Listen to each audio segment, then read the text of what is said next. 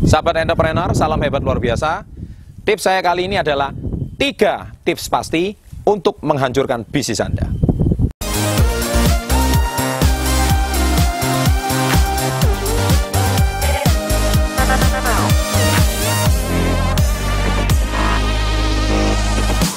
Baik, sekarang hari ini kita bicara bagaimana bisnis berkembang, bagaimana bisnis lebih maju, tapi kali ini saya akan membahas sebaliknya, yaitu bagaimana saatnya menghancurkan dinasti bisnis Anda.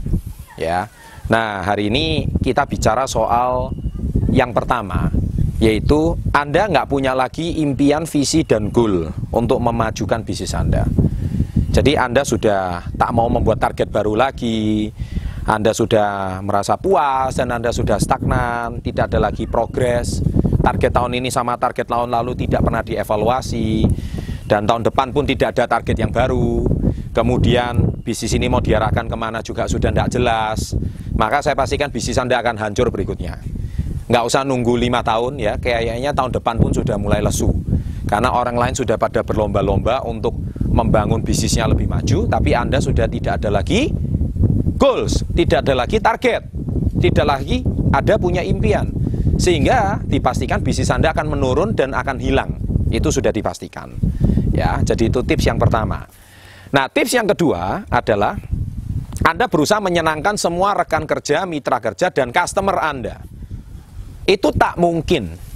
Ya, kenapa? Karena yang namanya customer itu tidak ada yang namanya 100% puas. Hari ini Coca-Cola saja yang sudah berumur perusahaannya lebih dari puluhan tahun, pun sampai hari ini ada orang yang komplain.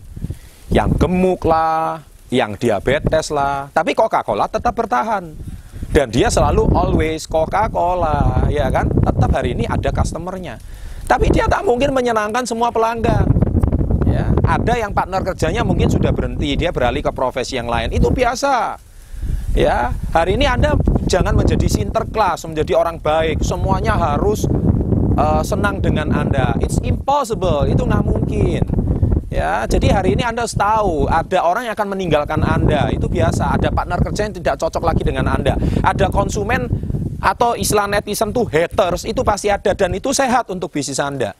Ya, kenapa? Karena semuanya senang, itu jangan-jangan itu cuman lip service. Jangan-jangan itu omong kosong. Karena pasti ada orang yang tidak cocok. Dia itu biasa sekali. Jadi jangan berusaha menyenangkan semua pelanggan. Itu sesuatu yang nggak mungkin. Nah ya itu tips yang kedua. Nah tips yang ketiga adalah Anda tidak mau lagi melakukan perubahan. Ya, jadi Anda sudah tidak mau lagi melakukan adaptasi. Zaman sekarang orang sudah pakai internet, sudah pakai YouTube, tapi Anda sendiri mungkin masih pakai kamera yang masih pakai film dicetak itu, kayak zaman 20 tahun yang lalu. Orang bisnis lain sudah pakai sosial media, tapi Anda sendiri masih puas dengan cara yang konvensional. Ya, Anda orang hari ini sudah memakai delivery system, Anda sendiri masih ngantar pribadi.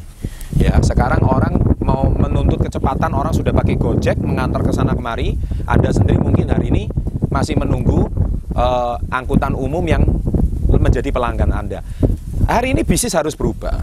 Ya, kalau Anda tidak mau melakukan perubahan, akhirnya seperti contoh yang fenomenal ini yaitu CEO dari Nokia. Saya sendiri itu pemakai Nokia hampir 20 tahun tuh. Tapi hari ini saya pun akhirnya nggak pakai Nokia lagi. Dan CEO Nokia berkata bilang apa? Perusahaan kami tidak melakukan kesalahan apa-apa. Anda bisa lihat nih. Ini quotation yang sangat terkenal. Tetapi akhirnya kenapa perusahaan kami akan hilang? Karena kami tidak melakukan kesalahan apa-apa. Tapi saya tidak tahu kenapa kami kalah. Itu kata-kata yang sangat fenomenal. Jawabannya cuma satu World change too fast. Dunia berubah terlalu cepat. Hari ini kalau Anda tidak mau adaptasi dengan perubahan, dipastikan bisnis Anda akan hancur.